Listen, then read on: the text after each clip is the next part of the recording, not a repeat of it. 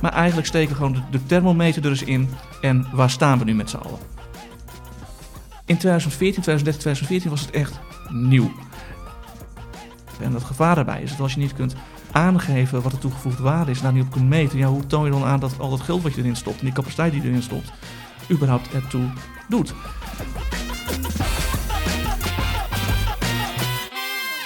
Welkom bij deze speciale editie van Yellow Chat, de podcast van Evolve. Mijn naam is Bram Koster. En ik zeg speciale editie omdat we normaal gesproken een gast aan de lijn of in de studio hebben en met diegene zijn of haar ervaringen met het vakgebied eh, bespreken. Maar vandaag zit ik hier alleen met mijn collega Peter Haan. Hey Bram. Peter. Uh, wij zitten hier alleen in de studio uh, omdat we het gaan hebben over het benchmarkonderzoek dat wij uh, uitvoeren momenteel. En als je je nu afvraagt, uh, benchmarkonderzoek, waar heb je het over? Een korte introductie. elke twee jaar um, voeren wij vanuit Evolve een onderzoek uit naar de stand van zaken op het vlak van de interne digitale media in Nederland. Daarbij vragen we organisaties om een vragenlijst in te vullen en daarbij komen vragen voorbij over de doelstellingen die organisaties hebben met interne digitale media en uh, de mate waarin zij uh, erin slagen om die doelstellingen ook te realiseren.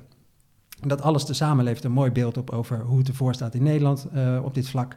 En daarnaast krijgen deelnemers een gebenchmarkte resultaten, zodat zij zien hoe zij presteren ten opzichte van andere geanonimiseerde organisaties. Um, en ze krijgen tips over hoe zij hun resultaten kunnen verbeteren.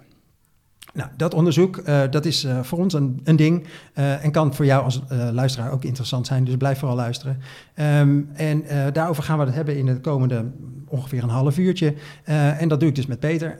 Peter, jij bent ooit Evolve begonnen en dus ook dit onderzoek, ergens in 2013. Um, neem ons eens mee, wat is het onderzoek eigenlijk en wat houdt het nou eigenlijk in? Nou ja, de benchmark is eigenlijk een onderzoek wat we eens in twee jaar doen. Uh, en nu dus eens in drie jaar vanwege het coronajaar van vorig jaar. En daarbij toetsen we eigenlijk wat is nu eigenlijk de stand van zaken in Nederland rondom een specifiek thema. En tot nu toe is het altijd gaan rondom interne uh, sociale media of rondom intranetten. Uh, en nu doen we dat dus rondom interne digitale media in de breedste zin des woords. Maar eigenlijk steken we gewoon de, de thermometer er eens in en waar staan we nu met z'n allen. Helder. En dat onderzoek dat hebben we uh, drie, jaar, sorry, drie keer eerder uitgevoerd. Is nu voor de vierde keer gelanceerd.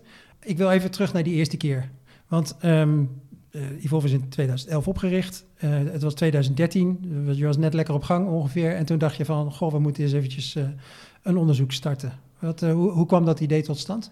Nou ja, onderzoek zit natuurlijk best wel in ons DNA. We zijn altijd gewoon heel erg op zoek, op zoek geweest naar van wat allemaal wordt, wat wordt gezegd, wat wordt beweerd klopt dat überhaupt wel? En of waar nog helemaal niks over wordt beweerd, van hoe zit dat eigenlijk?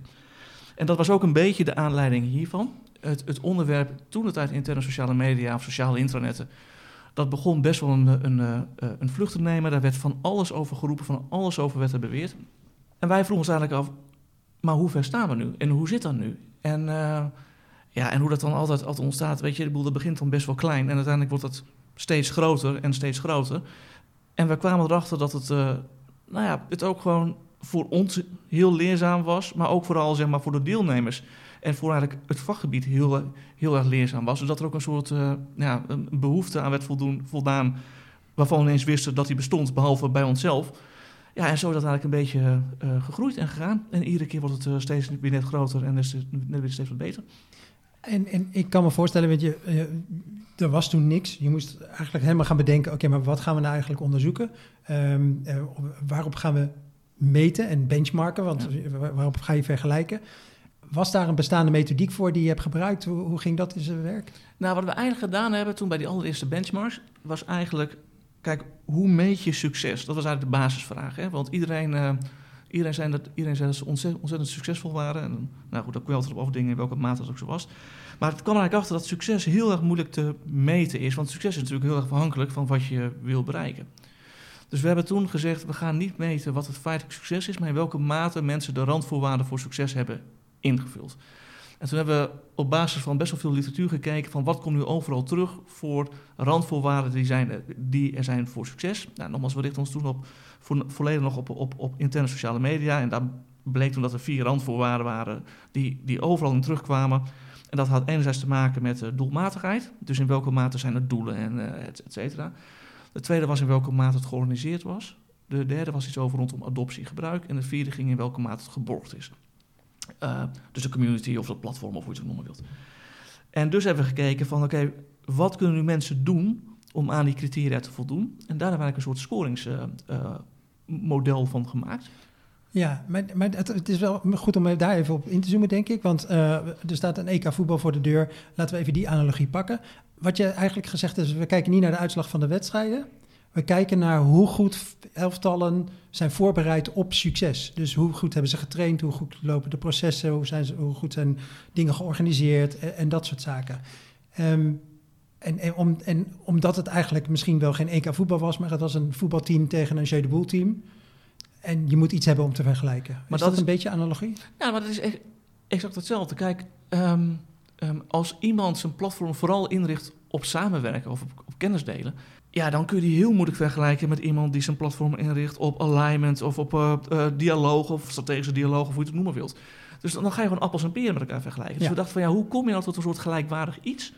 En dat, zijn, en dat waren dus eigenlijk altijd dezelfde randvoorwaarden. Of ja. hoe we het later geframed hebben naar succesvoorwaarden. Maar dezelfde criteria waaraan je voldoet. En, en dat we gaan. Dus die analogie die je hebt over EK voetbal. Ja, we hebben dus niet gekeken uh, wie heeft de meeste doelpunten gemaakt. Maar wie maakt de meeste kans om de meeste doelpunten te maken. Oké. Dat Zo, is helemaal in lijn met ja. hoe de statistici tegenwoordig ook uh, naar het voetbal kijken. Um, en, en nog even die vier pilaren. Dat waren gebruik, ja. doelmatigheid, organisatie en borging. Ja. En gebruik gaat over hoe goed wordt het gebruikt en in hoeverre wordt gebruik gestimuleerd. Ja. Dus adoptie.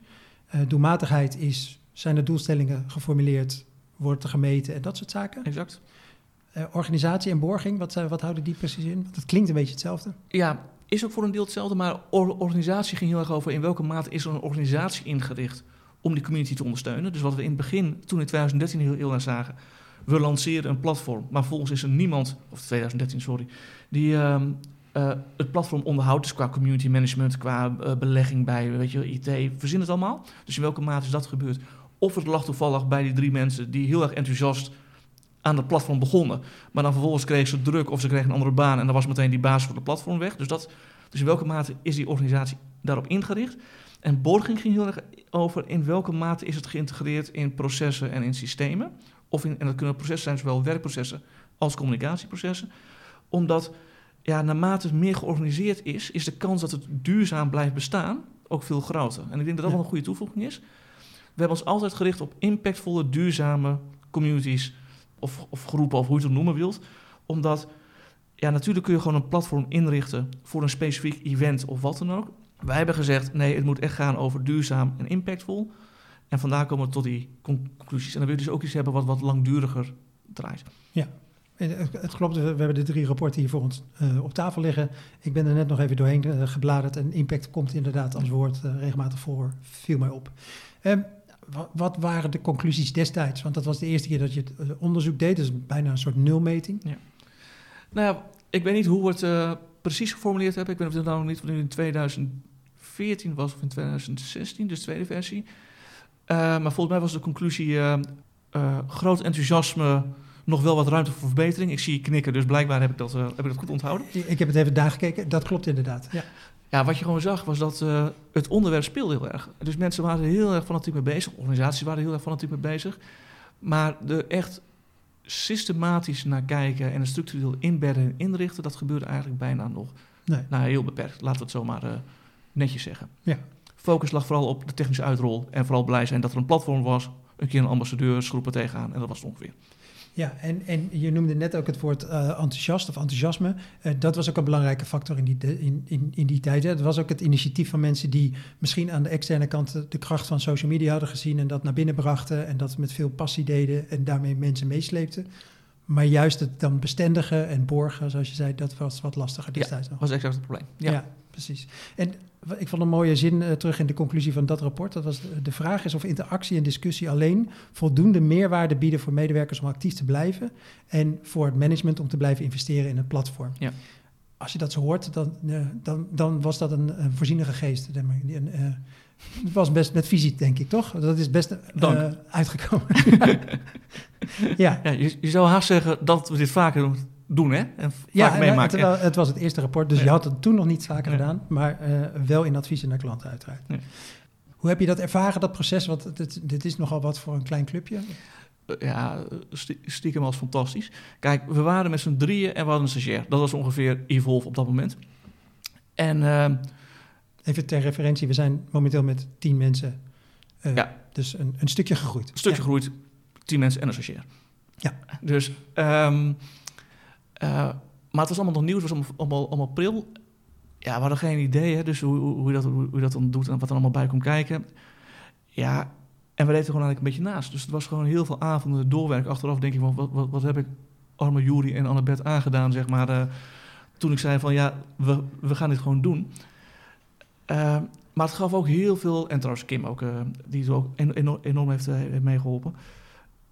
Maar het was ook een heel gaaf project, want het was een van de eerste dingen waarbij we ja, echt met z'n allen gezamenlijk iets deden. Daar zat ook best wel wat ondernemersgeest in, van we gaan dit gewoon doen, het was allemaal nieuw. Dus, dus er kwam ook best wel veel energie van eh, vrij. En ja, kijk, weet je, je bent nu eh, bijna acht jaar verder en dan kijk je er net weer iets anders op terug. Maar toen waren we best wel blij met, eh, en vooral heel trots, op dat we dit gewoon deden voor zo'n heel klein clubje. En, en vooral goed ontvangen werd. Ehm, dat mensen het ook echt gingen gebruiken, er, wat mee konden. Ja, dat, dat deed gewoon veel. Eh, we hebben het over acht jaar geleden. Het onderzoek vond plaats in 2013. Het Ja. rapport kwam uit in 2014, februari als ik het Ja. goed heb de- destijds. Ja, en daarom worden, eh, zoals je twee verschillende jaartallen hoort, dat, eh, Ja. daaraan ligt het. Maken we even de stap naar twee jaar later. Want Ja. dat was het ritme waarmee het onderzoek is ingezet. Dus in 2016 kwam versie 2 uit. Ik, wat me vooral opviel, was een veel uitgebreider rapport met heel veel mooie graphics erin en mooie staatjes, grafiekjes en alles. Wat ik daar in de, conclusie las was, oké, dat professionalisme, eh, die ruimte die daar lag, die was wel redelijk ingevuld. Er waren, er waren veel meer dingen vastgelegd in functieomschrijvingen. Het was allemaal minder vrijblijvend, meer gekeken naar doelstellingen. Maar er was bijvoorbeeld weer veel minder invulling gegeven aan KPI's. Eh, dus, dus ja, heb je dan wel echte doelstellingen? Dat is een goede vraag. Ehm, en, en de beperkte stimulering van gebruik. Als ik dit vertel, dan denk je vast, oh ja, ja zo was het ongeveer. Heb je andere herinneringen aan hoe, hoe die ontwikkeling überhaupt was in die twee jaar? Want dat was, ik bedoel, het klinkt misschien gek, maar het was eigenlijk een nieuw vakgebied in- Ja. op dat moment nog steeds. Ja, als ik erop op terugkijk, en dan moet ik stiekem ook wel een klein beetje graven. ehm, in 2014, 2013, 2014 was het echt nieuw. En was het enthousiasme en, eh eh en enthousiastelingen die ermee aan de slag gingen. In 2015, 16 zag je dat we al twee jaar verder waren. En dat er dus best wel een mate van professionalisering eh, was. En dat zag je voornamelijk rondom inderdaad de, de organisatorische kant. Hè. Het was wat meer ingebed. Het had ook een wat, wat, een wat bestendigere rol gekregen. Maar wat je eigenlijk continu zag, was dat... ehm, en dat is misschien ook wel een beetje communicatie eigen. Want dat, dat is ook vaak waar dit in belegd was. Wat ook een van, wat ook een van onze kritiekpunten was. Hè. Eigenlijk moet je het Ja, bij, communicatie leggen. Dan moet je het breed in de organisatie neerleggen. Als je het ook organisatie ondersteunend wil laten zijn. Is dat we vonden het allemaal heel moeilijk om te laten eh, eh, meten. En ook om doelstellingen te formuleren. Waaraan moet dan zo'n platform bijdragen? En het gevaar daarbij is dat als je niet kunt aangeven wat de toegevoegde waarde is. En daar niet op kunt meten. Ja, hoe toon je dan aan dat al dat geld wat je erin stopt. En die capaciteit die je erin stopt. Ja, überhaupt ertoe doet. Dus dat was één ding. En het tweede, wat we volgens mij veel zagen, was dat het hele borgen, dus het echt onderdeel maken van het werkproces, of van het, het, ja, het, het, organisatieproces, dat bleef eigenlijk ook best wel achter. Dus we zagen wel, het bleef eigenlijk voornamelijk een communicatieplatform, wel veel meer gerund vanuit communicatie en daarmee bestendigd. Maar die echte inbedding in de organisatie bleef eigenlijk stiekem eh, nog steeds eigenlijk een beetje achter bij wat je zou willen, als je het echt als, ja, als managementinstrument zou willen inzetten voor dialoog en noem maar op. Ja. Ja. En eigenlijk benoem je daarmee grappig genoeg meteen eh, de waarde van dit soort rapporten. En vooral als je ze langer uitvoert. Want twee jaar later weer, 2018, het derde rapport. Daar was juist dan weer de conclusie. Oké, het wordt al veel meer weer vastgelegd in beleidsplannen. Dus precies dat wat je dan elke keer ziet. Van ja, weet je, die ruimte voor professionalisering was Ja. er in 2014. 2016, hey, die is ingevuld. Maar, en zo, zo zie je eigenlijk het vakgebied zich ontwikkelen. Zeker. Dat, eh, ehm, dat is denk ik een, een mooie waarde aan de rapporten tot nu toe in ieder geval. Wat, wat staat je bij van 2018? Want toen hebben we eh, op zich de analyse ook anders aangepakt. Hè? Daar hebben we toen Joost Verhoeven ook deels bij Ja. betrokken. Ja. ehm, dan moet ik altijd nadenken, academisch docent of universitair docent op dat moment eh, aan de VU in Ja. Amsterdam. Wat, wat, wat was de reden om hem erbij te betrekken? En wat was er anders aan dat rapport? Nou, er- speelden een paar dingen mee. mee. Joost nam, als ik me goed herinner, contact met ons op. En die zei, wat doen jullie best wel gaaf onderzoek en wat hebben jullie veel data? En, en, en, ehm, en ik weet niet meer wat het exact, maar ik geloof dat wij als een, een van de weinige bedrijven echt heel veel data hebben over gebruik en over dat soort dingen allemaal. Eh, opgehaald ook door al die rapporten. Dus hij zei, ik zou er heel graag ook mee aan de slag gaan voor eigen analyse, want ik bevind me ook op dat vakgebied. Joost daarentegen, die heeft gewoon, het is gewoon, het is gewoon een wetenschapper. Dus voor ons was het heel fijn dat Joost ons mee wilde gaan helpen. Om gewoon nog scherpere analyses, nog scherpere conclusies. eh, om eigenlijk gewoon het onderzoek gewoon nog veel beter te maken. Dus eh, eh, we hebben toen best wel intensief samengewerkt. En daar hebben we twee dingen gedaan. We hebben en de benchmark gedaan. We hebben eigenlijk ook voor het eerst daarnaast een los onderzoek er eigenlijk aangekoppeld. Dat hebben we gecombineerd in één groot onderzoek. Dus de benchmark gaat echt over wat is de stand van zaken. Maar we hebben daarnaast onderzoek gedaan eigenlijk naar, nou om het heel plat te zeggen, we roepen wel dat dit soort platformen bepaalde eh eh, meerwaardes hebben. Eh, vergroten van betrokkenheid, vergroten van binding, communicatietevredenheid, innovatief vermogen vergroten, jari, jari, jari, de he- hele rambam. Maar is dat eigenlijk wel zo? Ja. En ook dat vond Joost vooral een heel interessant onderwerp. Dus hebben eigenlijk besloten van laten we dat gewoon combineren. En kijken of we met alle data die we uit het onderzoek ophalen ook dat soort conclusies kunnen trekken. Ja. En dat hebben we eigenlijk met Joost gedaan. Dus dat was weer een iets andere insteek. ehm, en daarmee ook een iets, eh, iets, iets, een, een iets meer verbreding ten opzichte van wat we daarvoor gedaan hebben. Ehm, het grappige was ook in 2018 was nog steeds de conclusie van eh, een intranet of een, de interne platformen die gebruikt worden, zijn nog steeds niet echt een business tool. Het Nee. blijft nog steeds bij, in veel gevallen, een communicatieplatform.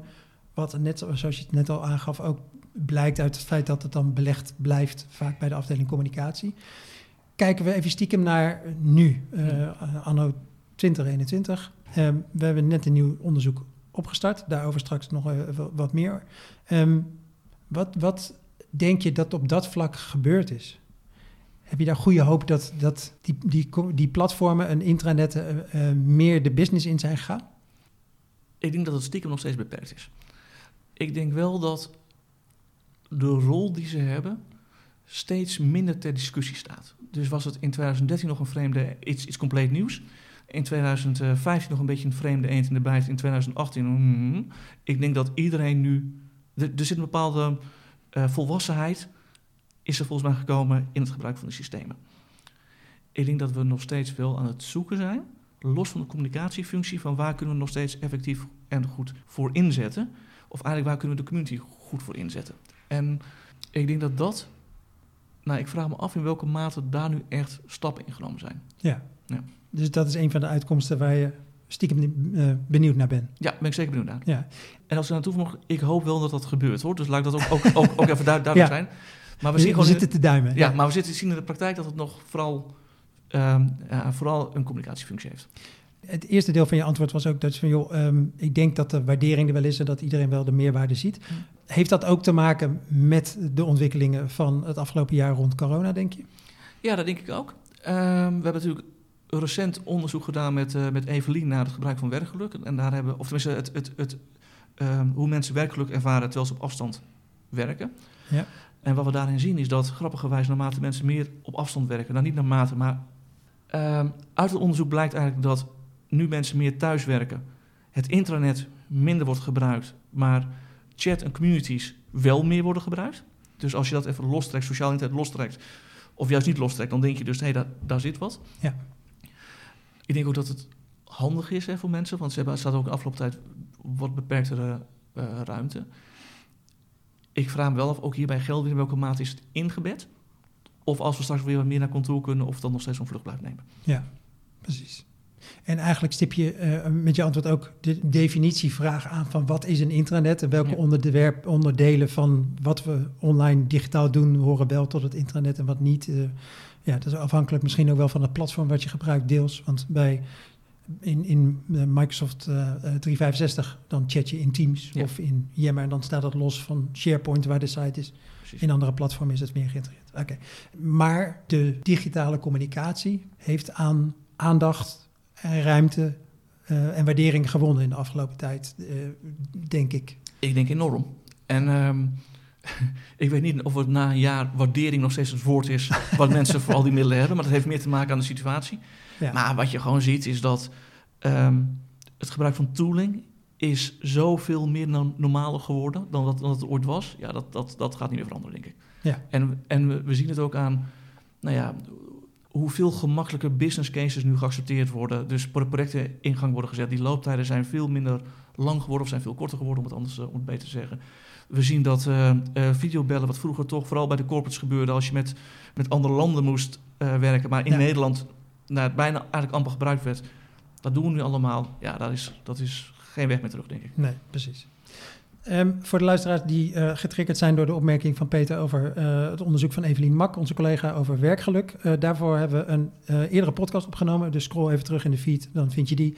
Ehm, en daarna hebben we ook nog een, een, sorry, een aflevering opgenomen met Marion Schumacher van BNNVARA. Die ook gaat over werkgeluk en gewoon over haar ervaringen op de werkvloer daarmee. Even terug naar het onderzoek. We hebben nu de vierde editie opgestart.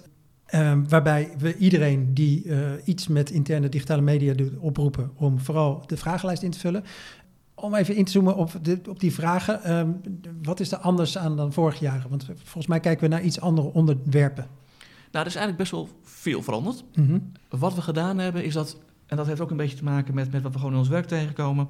We kijken veel meer naar eigenlijk het digitale ecosysteem in de breedte. Dus eigenlijk alle interne digitale media. En eigenlijk dus kijken we naar van wat gebruik je nu waarvoor en hoe, hoe blij ben je daarmee. En we ook nog wat vragen erin zitten over het gebruik tijdens COVID en na COVID en noem het allemaal op. Dus dat is één ding. Dus we kijken breder. Het tweede wat we doen, en dan zoomen we wel weer specifiek in op de sociale internet, eh, interne communities achter iets, is dat een van de dingen wat, dat ons opviel in alle voorgaande rapporten, maar vooral de, vooral de laatste twee keer, was ook al hebben we die criteria opgesteld voor succes, dan nog ben je stiekem appels en peren aan het vergelijken. Want er komt één ranglijst uit op ja, wie doet het het beste.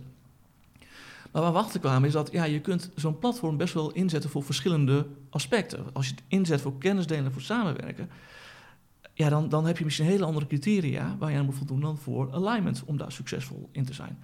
Dus wat we nu eigenlijk gedaan hebben, is dat we hebben nu eigenlijk het onderzoek opgesplitst, eigenlijk in wat wij dan noemen vier buckets, om het zo mooi, mooi in consultancy-termen te noemen.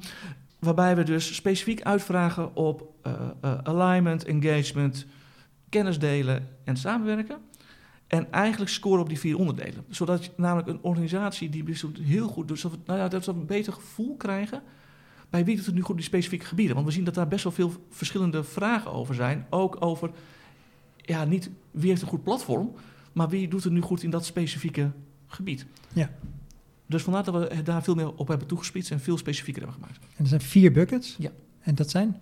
Uh, alignment, dus in welke mate uh, dus het platform wordt ingezet voor, uh, nou ja, voor gesprekken of dialoog over koers en strategie. Ja. We hebben het over engagement. Het gaat over in welke mate het platform wordt ingezet voor binden en boeien en betrokkenheid. In welke mate het platform ingezet wordt voor kennisdelen. En in welke mate het platform wordt ingezet om samen te werken. Ja. Dus dat zijn de vier elementen. En daar kun je dus ook ja, vier verschillende of drie verschillende dingen voor doen wat succesvol te laten zijn. Dat bleek namelijk uit het onderzoek met Joost uh, van, van twee jaar geleden. Dat we zien dus dat ja, als je het inzet voor alignment, dan moet je dus andere dingen doen dan wanneer je het inzet voor engagement. Qua adoptie en qua ja. aanpak. Dus dat proberen we nu wat, wat, wat, wat sterker naar te kijken. Precies. En dus uh, um, uh, het is erg onwaarschijnlijk eigenlijk dat iedereen op al die vier buckets goed scoort. Ja.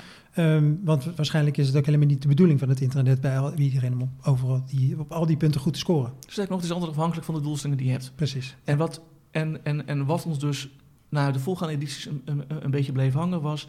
Ja, iemand die, als je één, één ranking hebt, ja, dan kan iemand misschien op één punt heel goed scoren en op de rest wat minder en daardoor gewoon gemiddeld laag. Terwijl, ja, daar, daarmee doe je eigenlijk onrecht aan hetgene waar diegene juist zo heel erg goed in is. Of juist op die andere punten waar diegene misschien nog, nog juist op wat wil ja. uh, uh, uh, bijleren. Dus daarom hebben we dat meer uit elkaar getrokken nu. Precies, oké. Okay. En er is nog een ander onderwerp in de vragenlijst. En dat heeft dan weer met corona te maken. Uh, daar vragen we ook naar. Hè? Van, van welke ontwikkelingen hebben we dan in het afgelopen jaar gezien? Ja, gewoon omdat we het interessant vonden. Gewoon ja. eigenlijk, eigenlijk heel plat om te zien van, weet je, het gevoel wat we hebben en wat wij zien, zeg maar, en wat ook een beetje uit onderzoeken blijft. Maar is dat nu dus ook wederom echt zo? Dus ben je nou meer middelen gebruiken? Ben je andere middelen gaan gebruiken? Waarvoor zit je ze dan in? Dat soort vraagstukken. We zijn ook heel benieuwd naar wat daar de uitkomsten van zijn. Ja, stel nou dat mensen denken van... goh, ik vind het heel leuk om uh, mee te doen aan het onderzoek. Hoe kunnen ze dat het beste doen? Nou ja, uh, je kunt gewoon op onze site gaan. Daar staat gewoon het onderzoek vrij prominent op. Klik je op een link, kom je in een, in een enquête uit. www.evolve.eu Slash onderzoek. Vermoed ik. En anders gaan we, voor deze podcast live staat, zorgen dat dat, dat werkt. Dat het werkt. Nee, maar staat ook in de nieuwsbrief. We zullen het via de socials uh, aanbieden. Er zijn volgens mij genoeg momenten om daar uh, achter te komen. Of tenminste, om bij het onderzoek te komen. En ik denk wat, wat we toen ze vergeten hebben altijd, uh, wat we toen ze vergeten hebben te vermelden, maar ik denk wat voor de mensen juist heel interessant is, is dat als we benchmarken, dan krijg je dus ook een, een gepersonaliseerd rapport, waarin je ziet dus hoe jij het doet ten opzichte van de benchmark. Dus je krijgt niet alleen een algemeen rapport, je krijgt ook eigenlijk je persoonlijke scores. Dus dat geeft jezelf ook inzicht in hoe doe ik het ten opzichte van de rest. Plus tips ter verbetering, of ja, indien dat nodig is dan. Uh, want, ik begrijp dat iedereen natuurlijk fantastisch is uh, in het ding. Maar wat je anders zou kunnen doen om, om hoog te scoren op die ranking op basis van onze criteria. Precies. Dus je krijgt het sowieso het hele onderzoek. Dus je krijgt gewoon te zien wat is de stand van zaken uh, ja. in Nederland.